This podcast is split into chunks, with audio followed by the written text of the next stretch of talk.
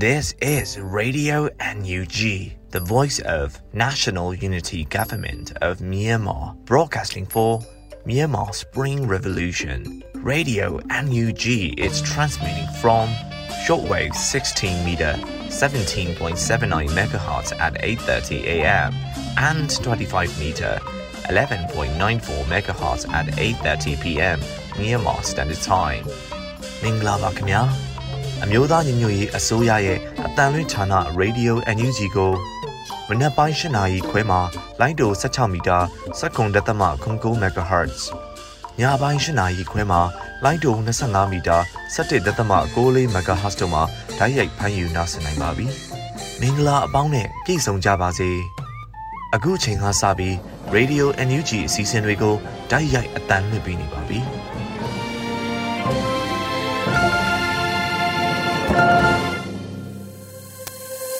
မြန်မာနိုင်ငံသူနိုင်ငံသားအပေါင်းတဘာဝပြီးစိဟနာရှင်တို့ကနေကင်းဝေးပြီးကိုစိတ်နှပါပေးခြင်းလုံခြုံကြပါစေလို့ရေဒီယိုအန်ယူဂျီဖွယ်သားများကဆုတောင်းမြတ်တာပို့သလာရပါတယ်ရှင်။ခုချိန်ကစပြီးကာကွယ်ရေးဝန်ကြီးဌာနရဲ့စီးရီးသတင်းချင်းချုပ်ကိုတော့ရန်နိုင်မှဖတ်ကြားတင်ပြပေးပါရမရှင်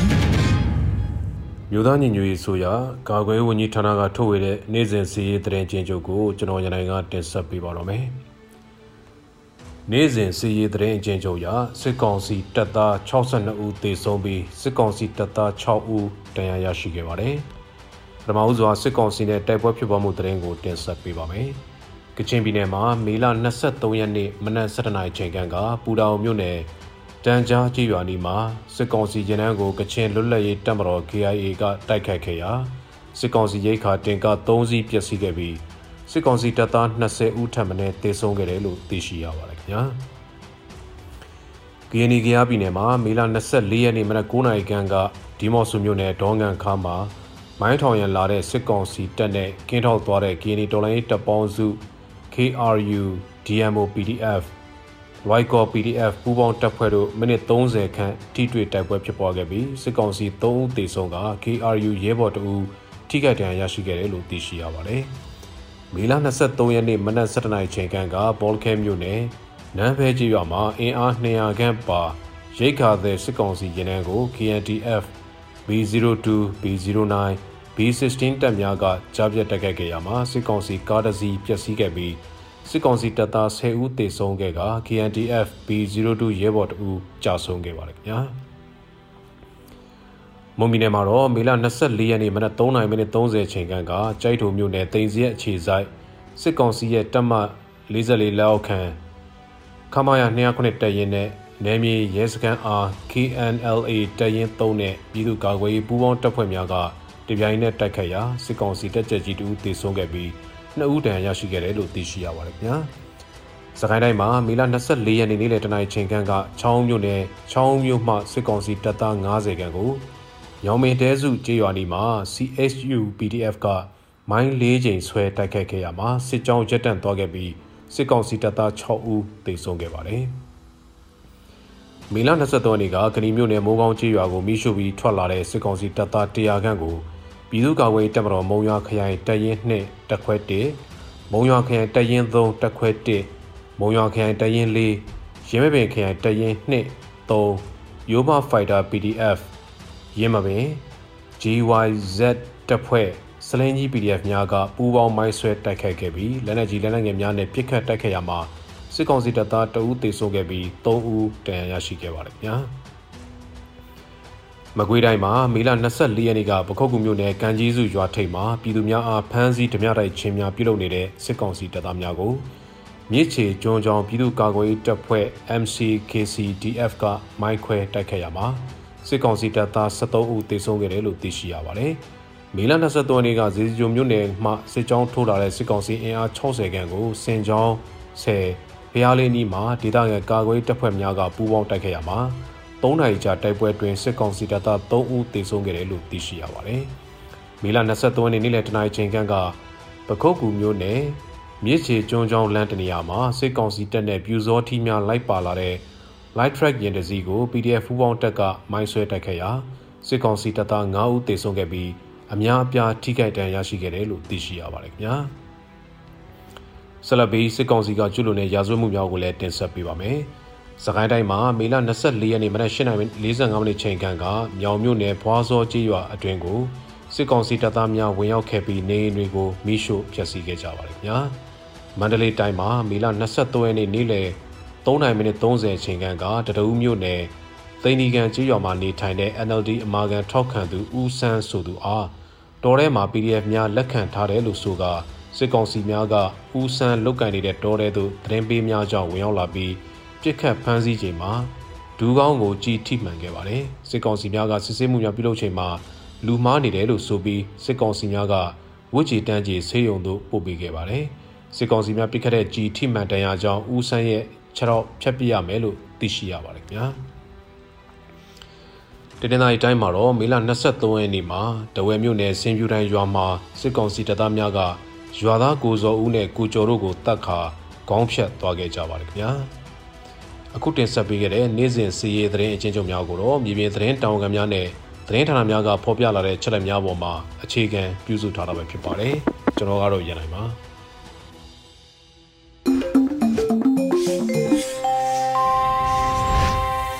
ရေဒီယိုအန်ယူဂျီရဲ့မနက်ခင်းစီစဉ်လေးကိုဆက်လက်တင်ပြနေပါတယ်။အခုဆက်လက်ပြီးနောက်ဆုံးရသတင်းများကိုတော့အေရီမှဖတ်ကြားတင်ပြပေးပါတော့မယ်ရှင်။မင်္ဂလာပါရှင်။အခုချိန်ကစပြီးရေဒီယိုအန်ယူဂျီမနက်ခင်းသတင်းတွေကိုတင်ပြပေးတော့မှာဖြစ်ပါတယ်။ကျွန်မကတော့အေရီပါရှင်။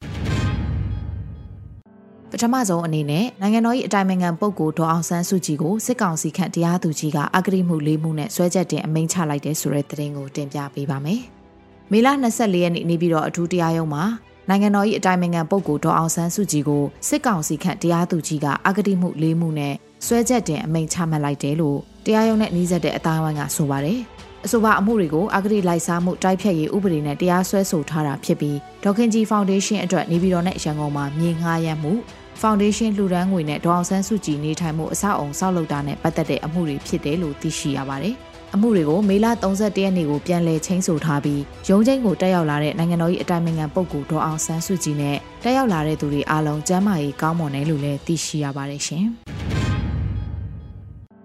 ဆက်လက်ပြီးနိုင်ငံရေးအရအင်မတန်အကဲဆက်ပြီးအနာဂတ်ဖက်ဒရယ်ပြည်ထောင်စုတည်ဆောက်ရေးအတွက်အလွန်နီးစပ်နေတဲ့ကာလမှာပြည်သူများအကြားခေါင်းဆောင်များအကြားတတိကြီးစွာစီးလုံးညီညွတ်သွားကြဖို့လိုအပ်တယ်လို့ပြည်ထောင်စုဝန်ကြီးချုပ်ကပြောကြားလိုက်တဲ့သတင်းကိုလည်းတင်ပြပေးပါဦးမယ်။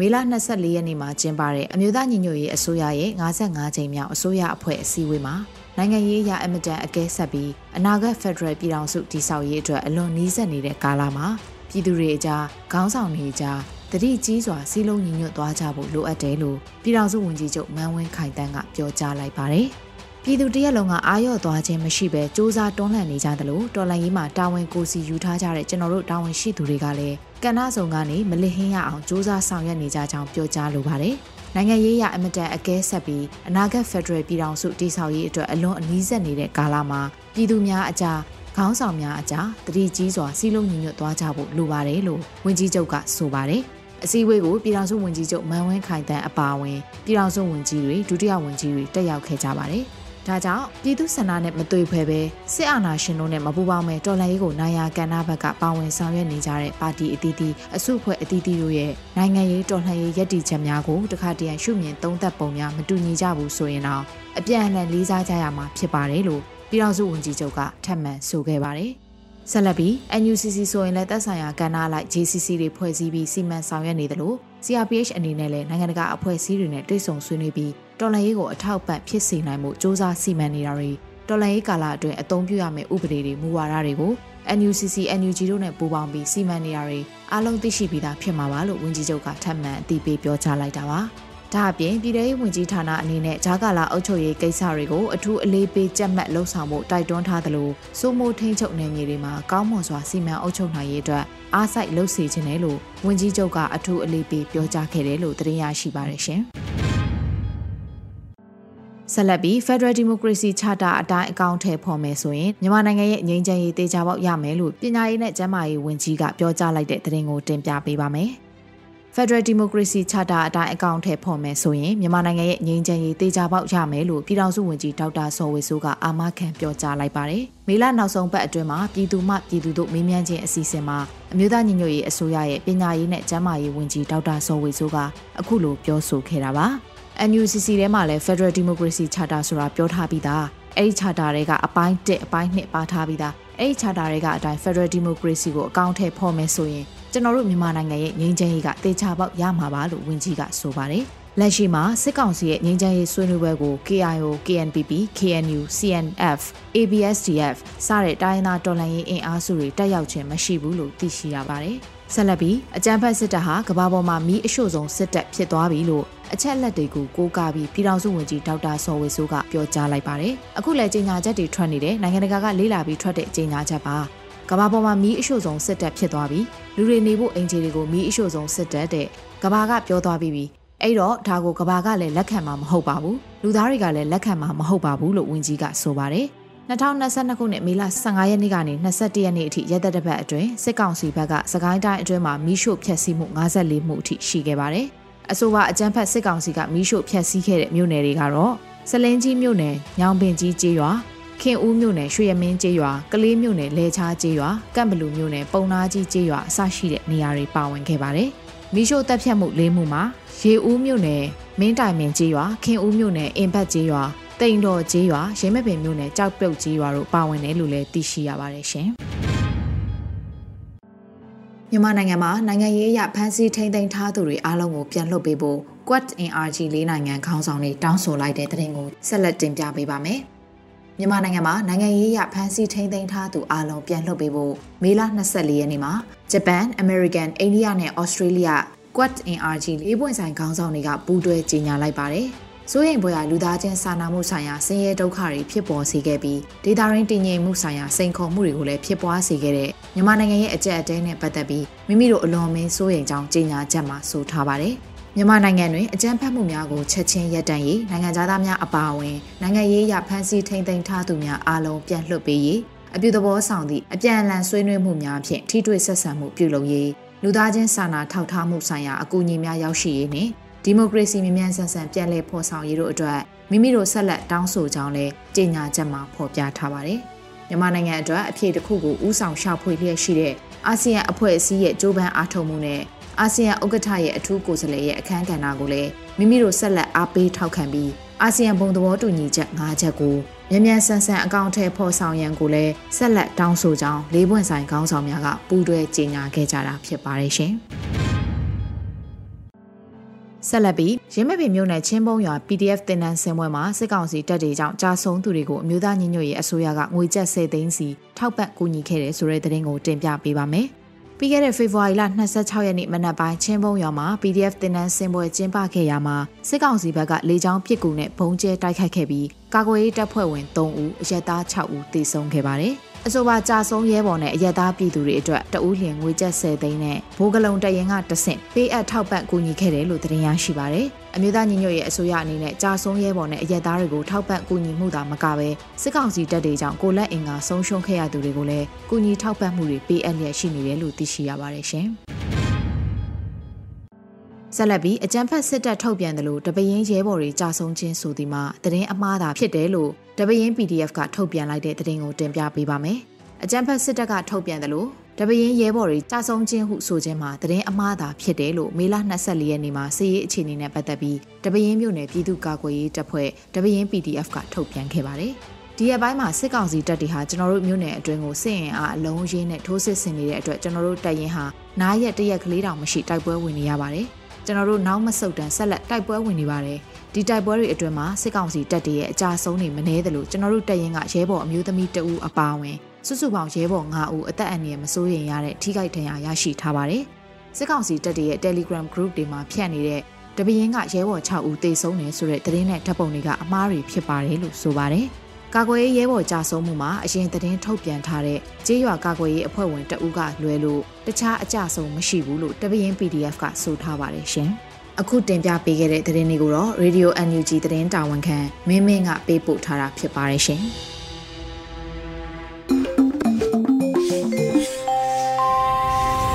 အခုဆက်လက်ပြီးနားဆင်ကြရမှာကတော့ပြည်သူခုခံစစ်တရင်များဖြစ်ပါတယ်။နေဦးရန်နိုင်မှဖတ်ကြားတင်ပြပေးပါမယ်ရှင်။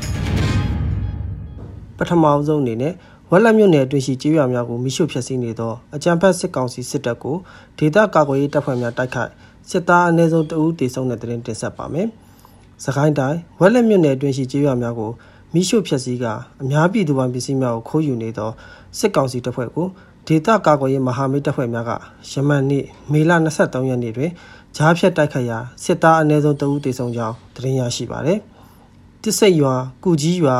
ငပချောင်းရွာနှင့်ရေလမော်ကျေးရွာများရှိပြည်သူပိုင်ပစ္စည်းများခိုးယူလူရက်ခါနေအိမ်များကိုမိရှို့နေသောအကြမ်းဖက်စစ်ကြောင်းကို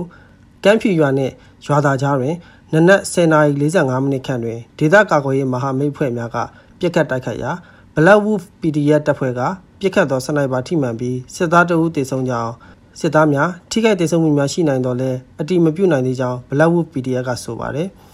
အဆိုပါစစ်ကောင်စီတပ်ဖွဲ့ကို Black Wolf PDF ရွှေဘိုခရိုင်တရင်နှင့်တရင်ကတက်ခွဲတစ်တို့ကကြားဖြတ်တိုက်ခိုက်ခဲ့ခြင်းဖြစ်ပြီးအထူးကိမရှိပြန်လည်ဆုတ်ခွာခဲ့ကြောင်း Black Wolf PDF ထံမှသိရှိရပါတယ်။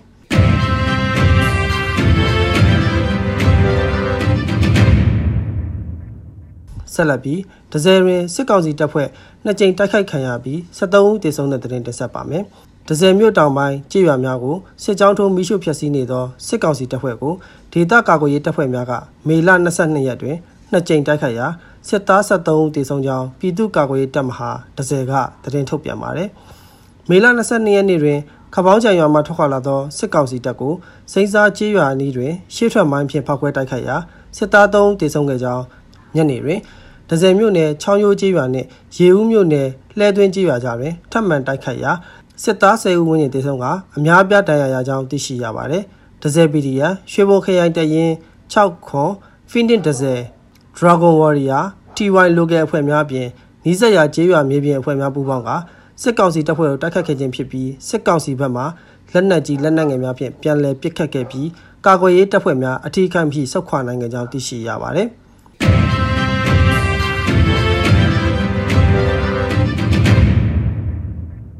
ဆက်လက်ပြီးပခုတ်ကူမြစ်ချေကျွန်းချောင်းလမ်းတွင်စစ်တပ်နှင့်ပြူစောတိလိုက်ပါလာသောလိုက်ထရက်ကားကိုမိုင်းဆွဲရာ9ဦးသေဆုံးတဲ့တွင်တင်ဆက်ပါမယ်။မကွေးတိုင်းပခုတ်ကူခရိုင်မြစ်ချေကျွန်းချောင်းလမ်းတွင်စစ်တပ်နှင့်ပြူစောတိများလိုက်ပါလာသောလိုက်ထရက်ယာဉ်တစ်စီးကို PDF ပူးပေါင်းတပ်ကမေလ23ရက်နေ့ကမိုင်းဆွဲတိုက်ခိုက်ရာ9ဦးသေဆုံးကြောင်း MCKCDF သတင်းထုတ်ပြန်ကြေညာသိရှိရတာပါ။မေလ23ရက်နေ့မွန်းလက်တနာရီ မြစ်ချေကျွန်းချောင်းပြည်သူ့ကာကွယ်ရေးတပ်ဖွဲ့ MCKCDF မှာရဲဘော်ရှောင်းလင်ဤမွေးနေ့အဖြစ်ကံကြီးရွာထိပ်တွင်ဓမြတိုက်စစ်ဆေးမှုများလှုပ်ဆောင်နေသောစစ်ကောင်စီတပ်စစ်သားနှင့်ပြူစောတိ73ဦးလိုက်ပါလာသောလိုက်ထရက်ကားကိုမြစ်ချေကျွန်းချောင်းလမ်းပိုင်းတနေရာတွင်မိုင်းဆွဲတိုက်ခိုက်ရာစစ်သား9ဦးတေဆုံးကြောင်းအများအပြားထိခိုက်ဒဏ်ရာပြင်းထန်စွာရရှိကြကြောင်းထုတ်ပြန်ထားပါတယ်။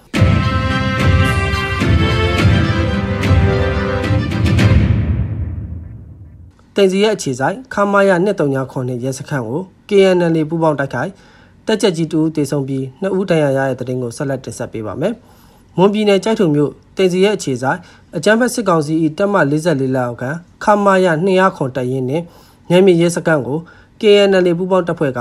ယနေ့မေလ24ရက်နေ့နနက်3နာရီခွဲခန့်တွင်တပြိုင်နက်တိုက်ခိုက်ရာစစ်ကောင်စီဘက်မှတက်ချက်ကြီးတူတေဆုံးပြီးနှစ်ဦးတန်ရာရရှိကြောင်းကြိုက်ထုတော်လိုင်းအင်အားစုထံမှသိရှိရပါတယ်။ ခမာယာနေရခွန်တရင်ကို KNL ပူးပေါင်းတပ်ဖွဲ့ကအစင်းမြင့်ဤပညာဖြင့်တိုက်ခိုက်ခဲ့ရာတွင်တက်ကြက်ကြီးတူတေဆုံးပြီးနှစ်ဦးတရားရရှိကြောင်းတင်စီရဲ့နေမြေရဲစခန်းကိုတိုက်ခိုက်ရာတွင်ထိခိုက်ဒေဆုံးမှုစီးရင်ကိုအတိအကျမသိရှိရသေးကြောင်းကြိုက်ထိုတော်လိုင်းအင်အားစုကထုတ်ပြန်ထားတာပါအဆိုပါတိုက်ခိုက်မှုများကို KNL တရင်3 PDF ပကဖတော်လိုင်းအင်အားစုများကပူးပေါင်းဆောင်ရွက်ခဲ့ခြင်းဖြစ်ကြောင်းသိရှိရပါတယ်ဆက်လက်တင်ဆက်မယ့်သတင်းကတော့ ထီးကြိုင်တွင်စစ်ကောင်စီမိုင်းဆွဲခံရပြီး9ဦးခန့်သေဆုံးတဲ့တဲ့မှာထီးကြိုင်မြို့နယ်စက်ပြေးရွာမှတုံလုံရွာသို့စစ်ကြောင်းပြန်လာသောအကြမ်းဖက်စစ်တပ်ကို EK Army ထီးကြိုင် PDF ကယနေ့နနက်7:00နာရီခွဲခန့်တွင်ပဒေသာမိုင်းနှလုံးမြစ်ဖောက်ခွဲတိုက်ခိုက်ခဲ့ရာစစ်သား9ဦးခန့်သေဆုံးပြီး2ဦးအပြင်းထန်ဒဏ်ရာရရှိကြောင်းသိရှိရပါတယ်။အဆိုပါစစ်ကောင်စီတပ်ဖွဲ့ကိုနှစ်ကြိမ်မိုင်းခွဲတိုက်ခိုက်ခဲ့ပြီးအပြန်အလှန်ပစ်ခတ်မှုနှစ်ကြိမ်ဖြစ်ပွားခဲ့ကြောင်း EK Army HPDF ကသတင်းထုတ်ပြန်ထားတာပါ။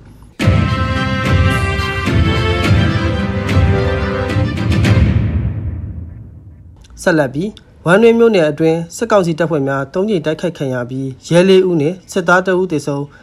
6ဦးတန်ရာရတဲ့တရင်ကိုတင်ဆက်ပါမယ်။မန္တလေးတိုင်းဝမ်တွင်းမြို့နယ်အကြမ်းဖက်စစ်ကောင်စီတပ်ဖွဲ့ဝင်များကိုဝမ်တွင်းတော်လိုင်းရင်အင်အားစုက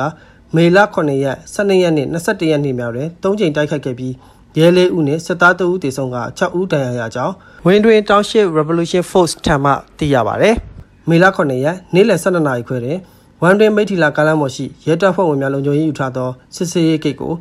မိုင်းဆွဲတိုက်ခတ်ရာရဲနှုတ်တေဆုံးပြီး3ဦးတန်ရာရကြောင်းမေလ12ရက်နေ့ည9နာရီခွဲကန်တွင်လိတ်တက်ရွာအနောက်ဘက်တရား၌အကြမ်းဖက်စစ်ကားတစ်စီးကိုမိုင်းဆွဲတိုက်ခတ်ရာတက်ကြက်တဦးတေဆုံးပြီးတဦးတန်ရာရကြောင်း မေလ22ရက်နေ့မိုးလ2:45မိနစ်ခန့်တွင်ရဲတပ်ဖွဲ့ဝင်2ဦးကိုတိုက်ခတ်ရာတဦးတေဆုံးပြီးတဦးတန်ရာရရှိကြောင်းလက်ထိတ်နှင့်ဆိုင်ငယ်တစ်စီးကိုတင်ဆက်ရမိခဲ့ကြောင်းဝင်းတွင် Township Revolution Force ထံမှသိရပါဗျ။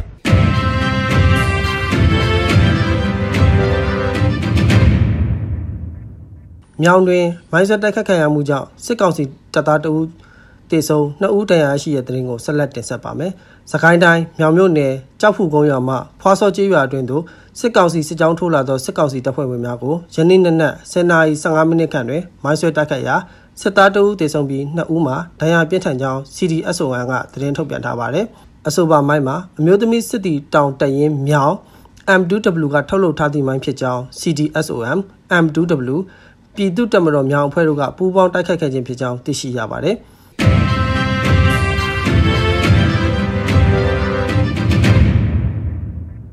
နောက်ဆုံးအနေနဲ့အမျိုးသားညီညွတ်ရေးအစိုးရပြည်ထောင်စုနဲ့လူဝင်မှုကြီးကြပ်ရေးဝန်ကြီးဌာနက2022ခုနှစ်မေလ24ရက်ရက်စွဲနဲ့ထုတ်ပြန်ခဲ့တဲ့ပြည်သူ့ခုခံတော်လှန်စစ်တရင်ချက်လက်တွေကိုတင်ဆက်သွားမှာပါ။အာနာသိန်းအကြမ်းဖက်စစ်အုပ်စု၏ပြည်သူလူထုအပေါ်အကြမ်းဖက်ဖိနှိပ်ဖမ်းဆီးတိုက်ခိုက်တပ်ဖြတ်နေမှုများကိုပြည်သူလူထုတရက်လုံးကအသက်ရှင်တန်ရေးအတွက်မိမိကိုယ်ကိုမိမိခုခံကာကွယ်ပိုင်ခွင့်အရာပြည်သူ့ခံစစ် People Defenses War ကိုဆင်နွှဲလျက်ရှိပါတယ်။တရင်ချက်လက်များအရ23ရက်5လ2022ရက်နေ့တွင်စစ်ကောင်စီတပ်ဖွဲ့ဝင်52ဦးသေဆုံးပြီးထိခိုက်ဒဏ်ရာရှိသူ28ဦးထိခုခံတိုက်ခိုက်နိုင်ခဲ့ပါတယ်။စစ်အာဏာရှင်စနစ်မြမမြေပေါ်မှာအပြေးတိုင်ချုပ်ငင်းရေးနှင့် Federal Democracy တည်ဆောက်ရေးအတွက်ငြိမ်းချမ်းစွာဆန္ဒပြသည့်လူထုတပိတ်တိုက်ပွဲများကပြည်내နဲ့တိုင်းဒေသကြီးများမှာဖြစ်ပွားပေါ်ပေါက်လျက်ရှိပါတယ်။မြေပြင်မှာယခုတွေ့ရတဲ့သတင်းချက်လက်များထက်ပိုရဖြစ်ပွားနိုင်ပါတယ်ခင်ဗျာ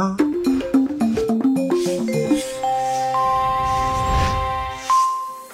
Radio Annuity ပရိသတ်တွေအတွက်ဆက်လက်ပြီးတင်ဆက်ပေးမှာကတော့ PPTV ရဲ့နေ့စဉ်သတင်းများကိုထက်ထက်အင်ဒရာအောင်မှဖတ်ကြားတင်ပြပေးပါမယ်ရှင်။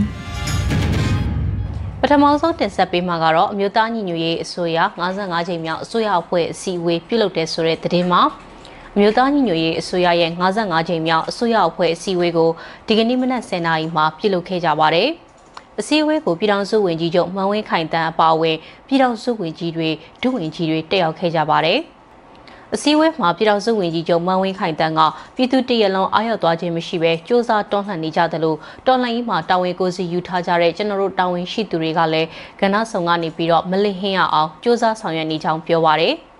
အမျိုးသားညီညွတ်ရေးအစိုးရအနေနဲ့ဝင်ကြီးဌာနများအလိုက်ကော်မရှင်ကော်မတီများအလိုက်တော်လှန်ရေးအောင်မြင်နိုင်ဖို့တွန်းအားပေးလှုံ့ဆော်မဲ့ကိစ္စမှန်သမျှစ조사စီမံဆောင်ရွက်နေကြပါတယ်။ဒီလိုပဲ NUCC ဆိုရင်လည်းသက်ဆိုင်ရာကဏ္ဍအလိုက် JCC များဖွဲ့စည်းစီမံဆောင်ရွက်နေတယ်လို့ CRPH အနေနဲ့လည်းနိုင်ငံတကာအဖွဲ့အစည်းများနဲ့တွေ့ဆုံဆွေးနွေးပြီးတော့တော်လှန်ရေးကိုအထောက်ပံ့ဖြစ်စေနိုင်ဖို့စ조사စီမံနေတာတွေ တော်လှန်ရေးကာလအတွင်းအသုံးပြုရမယ့်ဥပဒေတွေမူဝါဒတွေကို NUCC NUG တို့နဲ့ပူးပေါင်းပြီးစီမံနေတာတွေအားလုံးသိရှိပြီးသားဖြစ်မှာပါလို့ပြောကြားခဲ့ပါတယ်။ပြည်သူတွေအနေနဲ့တော်လှန်ရေးလမ်းစဉ်မှာတော်လှန်ရေးဦးဆောင်ဖွဲ့ရင်းနဲ့အတူအပြည့်အဝရည်တည်ပံ့ပိုးကူညီနေတာကိုလည်းအားလုံးသိရှိပြီးသားဖြစ်တယ်လို့ပြောကြားထားပါတယ်။နိုင်ငံရေးရာအင်မတန်အကဲဆက်ပြီးတော့အနာဂတ်ဖက်ဒရယ်ပြည်ထောင်စုတည်ဆောက်ရေးအတွက်အလွန်နှီးစပ်နေတဲ့ကာလမှာပြည်သူများကြားခေါင်းဆောင်များကြားတတိကြီးစွာစီလုံးညီညွတ်သွားကြဖို့လိုပါတယ်။ ဒါကြောင့်ပြည်သူဆန္ဒနဲ့မသွေဖဲပဲဆရာနာရှင်နဲ့မပူပေါင်းပဲတော်လှန်ရေးကိုနိုင်ရကဏ္ဍဘက်ကနေပြီးတော့ပါဝင်ဆောင်ရွက်နေကြတဲ့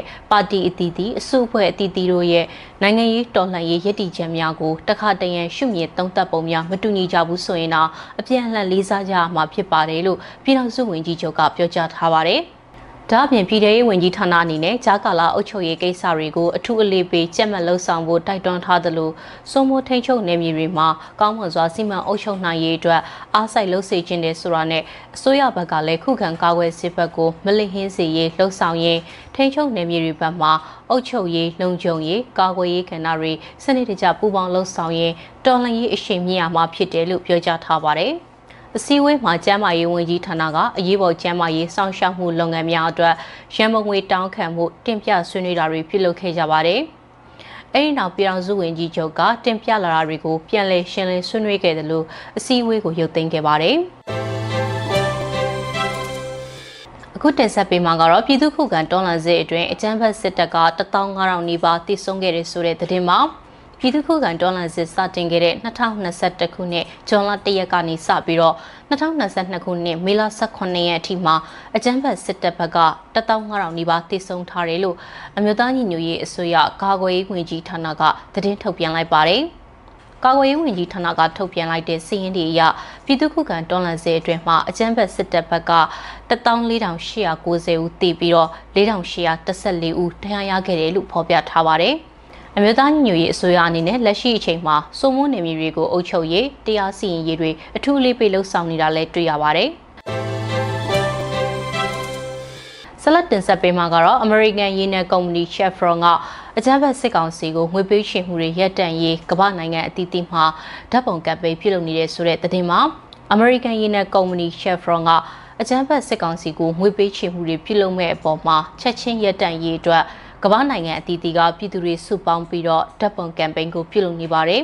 ပြည်သူတွေကိုတပ်ဖြတ်တဲ့နေရာမှာအထောက်အပံ့မဖြစ်စေရေးအတွက်အကြမ်းဖက်စစ်ကောင်စီကထိန်းချုပ်ထားတဲ့မြမရေနံနဲ့တဘာတန်ငွေလုပ်ငန်း MOGE ကိုငွေလွှဲမှုတွေချက်ချင်းရပ်တန့်ဖို့အတွက်ကမ္ဘာနိုင်ငံတည်တည်ကဒီမိုကရေစီလိုလားသူပြည်သူတွေကဓာတ်ပုံရိုက်ကမ်ပိန်းတွေပြုလုပ်နေတာပါဓာတ်ပုံကမ်ပိန်းပြုလုပ်နေသူတွေက Chevron Total Energies စေအုပ်စုကိုငွေလွှဲတာချက်ချင်းရ က်တင်းရဲ့အခွန်ငွေနဲ့ပြည်သူတွေအသက်ခံနေရတဲ့ဓာတ်ငွေခွန်တွေကိုထိန်းချုပ်ထားတဲ့အကောင့်ထဲမှာတင်စီပါအရေးယူပိတ်ဆို့မှုရဲ့ကင်းလွတ်ခွင့်ကိုမသုံးပါနဲ့ဖက်စစ်အုပ်စုထံနောက်ထပ်တန်း250ထပ်မလွဲပါနဲ့ဆိုတဲ့စာသားကိုကင်ဆောင်ပြီးတော့ဓာတ်ပုံရိုက်လူမှုကွန်ရက်ပေါ်တင်ပြီးဆန္ဒပြတောင်းဆိုမှုတွေလုပ်နေတာပါဒီလိုပြုလုပ်ရမှာ American, Sweden, Australia, UK ဂျပန်တောင်ကိုရီးယားပြင်သစ်အိုင်ယာလန်စတဲ့နိုင်ငံအသီးသီးကဒီမိုကရေစီရေးလူလားသူမြန်မာတွေအပြင်နိုင်ငံသားများလည်းပါဝင်တောင်းဆိုဆန္ဒပြခဲ့တာကိုတွေ့ရပါတယ်။ဓာတ်ပုံကမ်ပိန်းကိုမေလ22ရက်နေ့ကနေ25ရက်နေ့ထိပြုလုပ်မှာဖြစ်ပြီးတော့ပါဝင်လို့သူတွေအနေနဲ့ Chevron နဲ့ Total Energies Company ကိုစန့်ကျင်ဖိအားပေးတောင်းဆိုတဲ့စာသားနဲ့အတူအနီရောင်အင်ဂျီသို့မဟုတ်သွေးစွန်းနေသောအင်ဂျီအနီရောင်လက်ပတ်များဝှစ်စင်က လက်သုံးချောင်းထောင်တင်ဂီတာနဲ့ဓာတ်ပုံရိုက်ပြီးတော့ social media မှာဖော်ပြတာ Black Money သွေးစွန်းဝေလူမှုကွန်ရက်စာမျက်နှာကိုပေးပို့တာတွေပြုလုပ်နိုင်တယ်လို့ GMSR Genzi ကဖော်ပြထားပါတယ်။ American ရေနံကုမ္ပဏီ Chevron ကအကြမ်းဖက်စစ်ကောင်စီထိန်းချုပ်ထားတဲ့မြန်မာရေနံနဲ့တဘာတံငွေလုပ်ငန်းကို American Dollar တန်း250လွှဲပြောင်းရေးအတွက်မေလ25ရက်မှာ share ရှင်ရဲ့စီဝေးကနေဆုံးဖြတ်တော့မှာဖြစ်ပါတယ်။ အခုနောက်ဆုံးအနေနဲ့မြန်မာနိုင်ငံတဝန်းကလူမျိုးပေါင်းစုံဘာသာပေါင်းစုံပါဝင်တဲ့ဆရာနာရှင်အမြင့်ပြည့်ချိန်မုံရေးလူထုဆန္ဒပြပွဲသတင်းတွေကိုစူးစီးတင်ဆက်ပေးပါရမယ်။ရန်ကုန်မြို့တာကိတာမြို့နယ်မှာတော်လှန်လူငယ်တွေကဆရာနာရှင်စန့်ကျင်ရေးဆန္ဒပြလှုပ်ရှားမှုတစ်ခုကိုဒီကနေ့မှပြုလုပ်ခဲ့ပါတယ်။ဆန္ဒပြပြည်သူတွေကတာကိတာအထက်ကလေးကျောင်းရှိမှာကျောင်းသားတပိတ်ဆက်မှောက်ကြဆိုတဲ့စာသားကိုကင်ဆွဲပြီးတော့ဆရာနာရှင်စန့်ကျင်ရေးဆန္ဒပြလှုပ်ရှားမှုပြုလုပ်ခဲ့တာပါ။ ဆန္ဒပြလှုပ်ရှားမှုကိုအခြေခံပညာကျောင်းသားများကွန်ရက်ရဲ့အခြေခံပညာကျောင်းသားလူငယ်များအစည်းအရုံးအာဂလာဘဟုရိုးကဥဆောင်ပြီးတော့ဒဝယ်မြို့နယ်အခြေခံပညာကျောင်းသားများတက်မကထဝအာဂတာပညာနန်းတော်ကိုပိုင်ကျောင်းကျောင်းသားများတက်မကရန်ကုန်ကျောင်းသားအင်အားစုများမှပူးပေါင်းကစစ်ချွန်ပညာရေးစန့်ကျင်တဲ့လှုပ်ရှားမှုကိုပြုလုပ်ခဲ့တာဖြစ်ပါတယ်။ စကိုင်းတိုင်းရွှေဘုံမြို့နယ်မှာအကြမ်းဖက်စစ်တပ်ကြားရှုံရေးဆန္ဒပြတပိတ်ကိုဒီကနေ့မှပြုလုပ်ခဲ့ပါတယ်။ဆန္ဒပြပြည်သူတွေကအမျိုးသားညီညွတ်ရေးအစိုးရကိုထောက်ခံတဲ့စတာတွေကင်ဆောင်ထားပြီးတော့အကြမ်းဖက်စစ်တပ်ကြားရှုံရေးဆန္ဒပြခဲ့တာဖြစ်ပါတယ်။ဒါကတော့မီလာ24ရက်နေ့သတင်းတွေနဲ့လူထုဆန္ဒပြပွဲသတင်းတွေကိုစူးစီးတင်ဆက်ပေးကြတာဖြစ်ပါတယ်။ကျေးဇူးတင်ပါတယ်ရှင်။